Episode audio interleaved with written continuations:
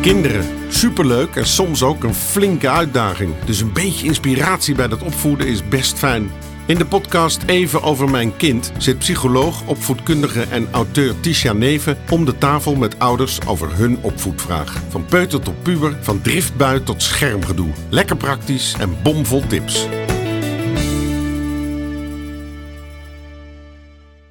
Hallo, wat leuk dat je weer luistert naar deze podcast. Ik zit aan tafel met Sarah. Welkom. Dankjewel.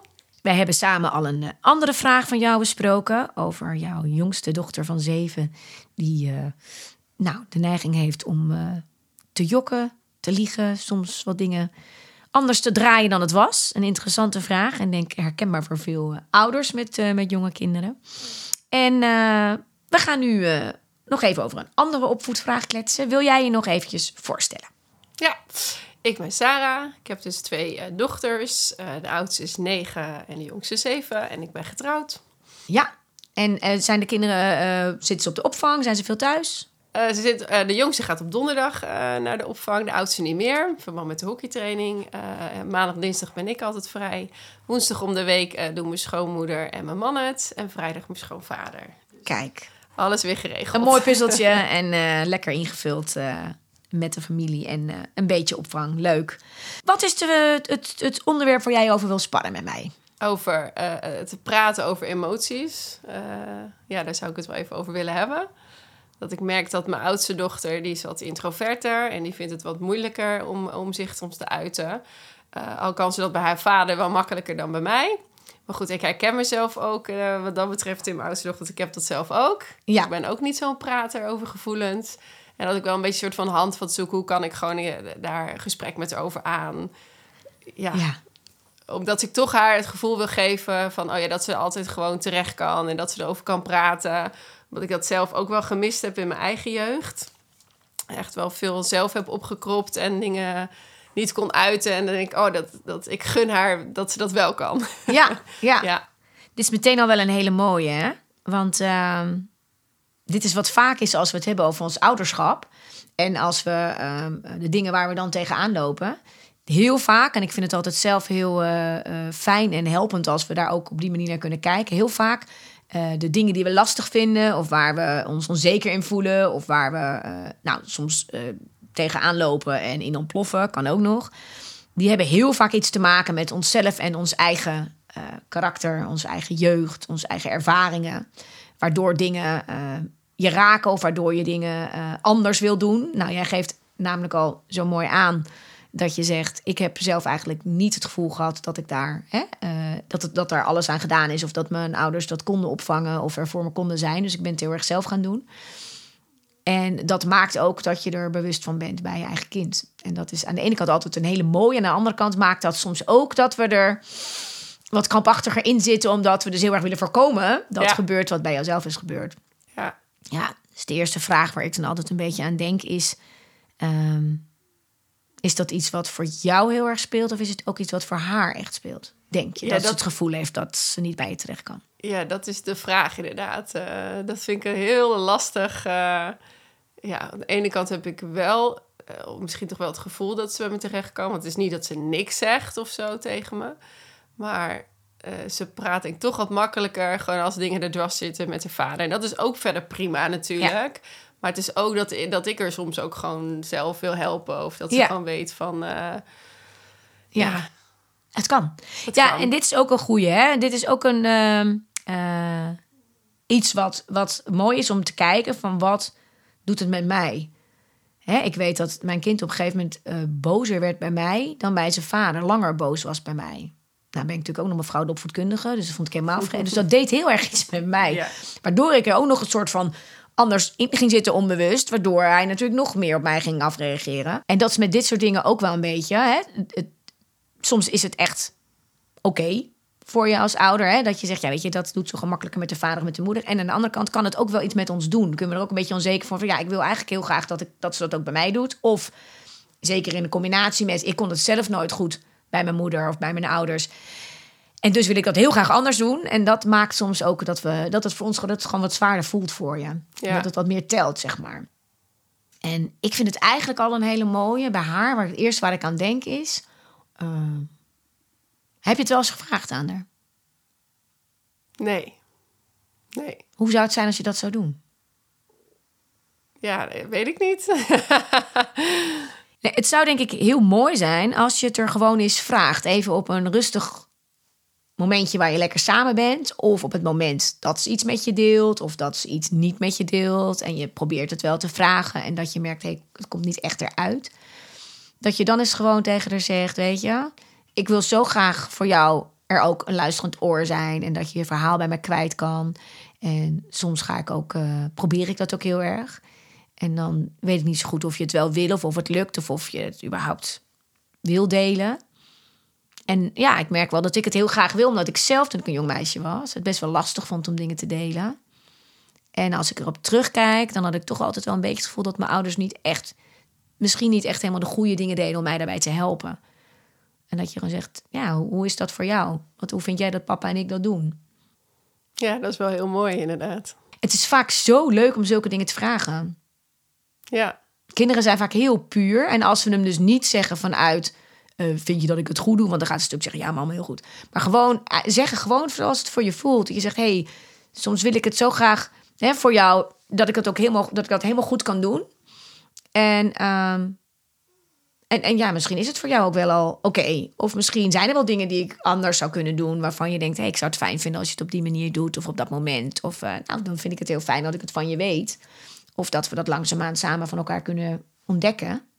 Juist ook omdat ik wel graag wil dat je altijd bij ons terecht kan. Ja. En dat geeft twee kanten. Aan de ene kant geeft het er de ruimte om eventueel aan te geven wat ze fijn vindt of niet. Of dat ze zegt, ja, hè, met papa gaat het eigenlijk altijd heel makkelijk en met jou vind ik het iets lastiger. Of en misschien ziet ze dat wel helemaal niet zo. Of ze zegt, nou, ja, ik praat er eigenlijk altijd wel een beetje over met papa en dan is het ook wel goed. Weet je, dan hoef ik niet allemaal ook nog een keer te bespreken. Of soms vind ik het moeilijk om het meteen te zeggen. Nou, kan van alles zijn. Misschien dat ze nog helemaal niet zoveel bevoelt. Dat is ook oké. Uh, en je kunt tegelijkertijd ook zelf een beetje aangeven van ja, ik wil, ik wil merk ook wel dat ik het dan heel graag goed wil doen als moeder.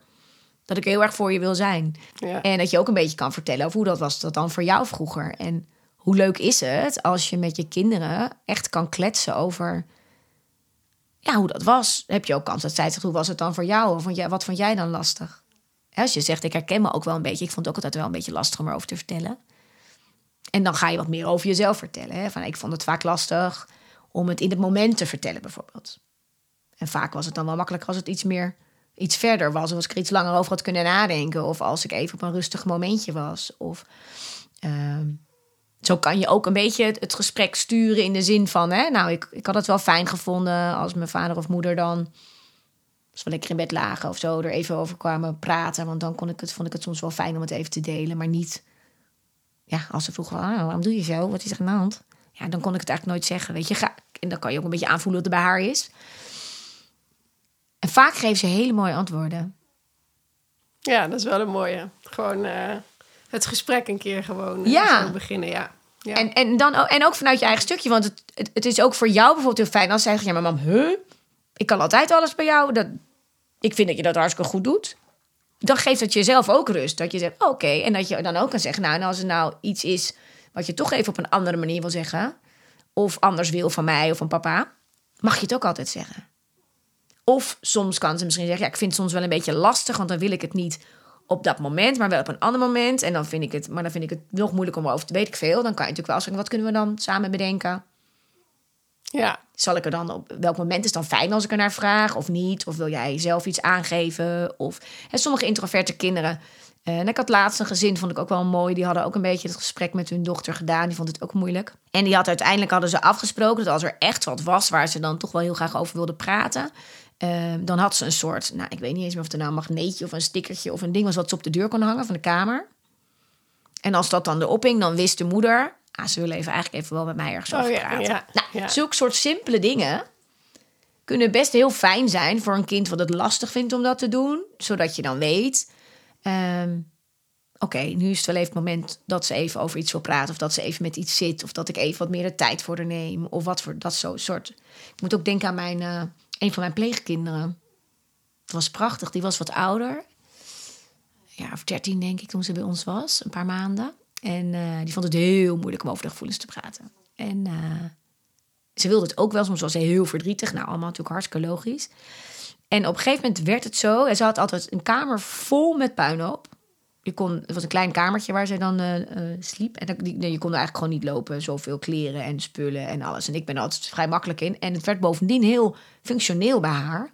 Want soms kwam ik ineens bij haar s'avonds en er wel trust te zeggen. En dan ineens merkte ik, hé, hey, er is heel veel gaande. Ze moest heel hard huilen of ze wilde heel erg praten. En dan, dan wist ik ook, ik moet nu even blijven. Ik moet nu niet gaan roepen, je moet nu slapen. En ik ga nu even gebruik maken van het moment. En op een gegeven moment dacht ik, ja, hoe ga ik dit nou? Want ik, soms was het heel moeilijk te peilen van, wil ze nou wel iets vertellen of niet? Want soms sloeg ze helemaal dicht. Dus als ik te veel vragen ging stellen, kon het helemaal anders uitpakken. En toen heb ik tegen haar gezegd, ik wil altijd even met je praten. Want zij vond dat moment s'avonds was dan het moment dat het er ook aanvloog soms.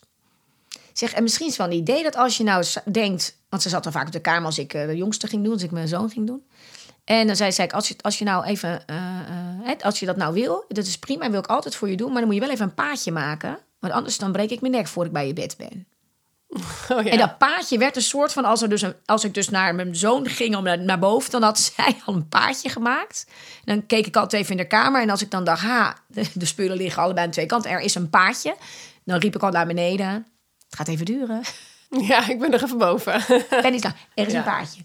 En dan ging ik dus naar de toe en dat was eigenlijk de uitnodiging van, ik wil even met je praten. En ik wist bij haar dan, dat ging steeds meer aanvoelen, dat ik dan eigenlijk even niks moest zeggen, maar gewoon bij haar ging liggen mijn arm onderheen sloeg en dan kroop ze bij me. En dan zei ik, is het even moeilijk meisje of uh, is er even iets waar je over wil kletsen? En, nou, en dan kwam of het verdriet of het verhaal of wat dan ook. En ik sprak met haar af van wat wil je dan dat ik vraag? Wil je dat ik vragen stel? Wil je het nou, zo. Dus ik ging het gewoon helemaal met haar hoe het voor haar oké was. Ja. Maar dat ik wel zeker wist dat als er echt wat was, dat ze een manier vond of een moment kon vinden om het met me te delen. Ja. Dat is soms voor kinderen heel fijn. Ja, is heel mooi. Ja, ja. En duidelijk. Ja, bij haar werd het dus het paardje. Ja. ja. en ik heb bijvoorbeeld ook kinderen in de klas die ik begeleid, die bijvoorbeeld dan in hun emotie zitten en het heel moeilijk vinden om in dat moment ergens over te praten.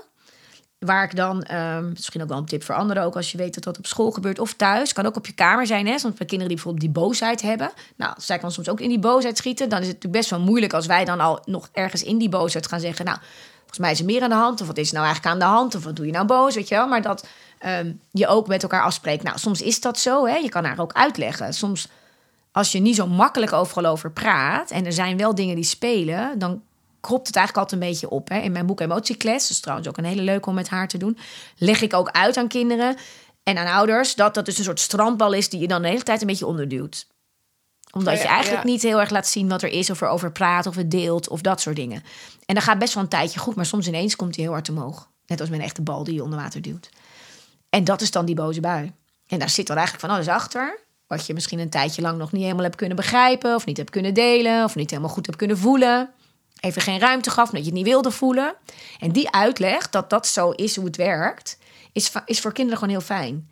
En dat je ook ze uitlegt, soms helpt het heel erg als je die strandbal af en toe even op laat komen. In plaats van dat we hem steeds verder wegduwen. Want dan eindigt het vaak in zo'n boze bui. En dan kun je over die boze bui ook zoiets afspreken ik, ik heb een aantal kinderen inderdaad begeleid op school die dan zo in een boze bui zitten. Maar als wij dan proberen om te kijken wat is er aan de hand, ja, dan zitten ze in het deel van hun brein waar dat niet lukt. Nee. En als we dan steeds gaan vragen, wil je er al over praten? Dan werkte bij sommige kinderen natuurlijk ook voor geen meter. Maar dan uh, was bij haar dus ook de afspraak dat ik was dan vaak in de klas, maar anders was het de juf. En zij had eigenlijk een soort uh, bordje met groen en rood in haar kastje liggen. En als ze echt boos was en ze wist, en ik, nu moet even niemand tegen mij praten, kon ze het bordje met rood gewoon ophangen bij de tafel, achter het tafeltje. En dan spraken we ook af. En als het moment er is, we gaan het altijd wel even bespreken als je zo boos bent. Hè? Want we laten het niet zomaar zo. Want soms ging er ook iets mis in die boosheid, hè? dat ze even voor anderen tot last was. Rood betekende, laat me nog even. Ik ben nog niet uh, rustig. En als ze hem zelf op groen draaide, wist de juf... nu kan ik het gesprekje even aangaan. Of nu wil ze graag even erover praten. Ja, precies. Dat is heel mooi, ja. Ja. ja. En soms kunnen dit soort kleine dingetjes, ook in een gezin... waarbij er nog andere kinderen zijn... en waarbij je soms die vraag dan krijgt met iemand anders erbij. En als je introvert bent, is dat soms heel lastig. En dan kan je iets meer je momentje kiezen... Uh, om dat te doen. Bij een ander meisje, moet ik nu aan denken, was ook een mooi, hadden we op school, die had een knuffeltje. En zij vond het altijd heel moeilijk om naar de juf te gaan als ze het moeilijk had. Om dat dan te zeggen en te delen. En soms zit er een stukje dat dat al op school wordt opgebouwd. Dat kan, hè? En dan hadden we de afspraak met juf, dat, want de juf zei, ik kan het niet weten als, ik het, als je het niet vertelt. Ook Nee. dat er iets met vriendinnetjes was of wat ook, wat haar even dwars zat. En dan hadden we de afspraak dat zij haar knuffeltje op de hoek van haar tafel zette. Als er iets was waarvan ze wilde dat de juf het even met haar sprak, maar niet dat alle kinderen erbij waren. Ja. Want ja. dat lukte er dan niet. Nee, nee. Dus Nee. daar werd het knuffeltje even. Hè? En dat kan, Precies, dat is dat heeft het symbool van, Ja. oh ja, ik wil even iets delen. ja, en dat kan ook iets zijn bij het bed. Ik zeg, als ik je dan naar bed kan brengen en je wil even ergens over praten, maar je vindt het wel een beetje lastig, dan zet je het knuffeltje, weet ik veel, of je legt het knuffeltje op je hoofd of je verzin maar wat, laat haar maar bedenken. Ja, Dus zoiets kan ook, dat je dan soms weet, oh ja. ja. ja mooi. En het, ja, het, het- ik denk dat het echt heel bijzonder gaat zijn als je het er eh, gewoon eens voorlegt en vraagt en Ja. kijkt, eh, ook voor jezelf. Ja, Omdat het ook kan wegnemen dat je zelf toch ergens denkt: ik, ik wil het zo graag. Ik wil het graag goed doen voor haar. En ik weet niet of ik nu doe wat, wat ze nodig heeft. Of dat Ja. ik nog meer kan doen. ja, en dat je ook vooral weet, kijk, straks gaat ze natuurlijk de puberteit in. Eh, en dan heb je als ouder natuurlijk helemaal minder zicht op wat er allemaal gebeurt in het leven van je kind. En dat je dan maar gewoon wil van dat ze weet Ja. dat het mij niet uit wat er ook is of hoe erg ze ook denkt dat het is, dat ze gewoon altijd dat het gewoon moet vertellen. Ja. ja. Dat Ja. is een beetje.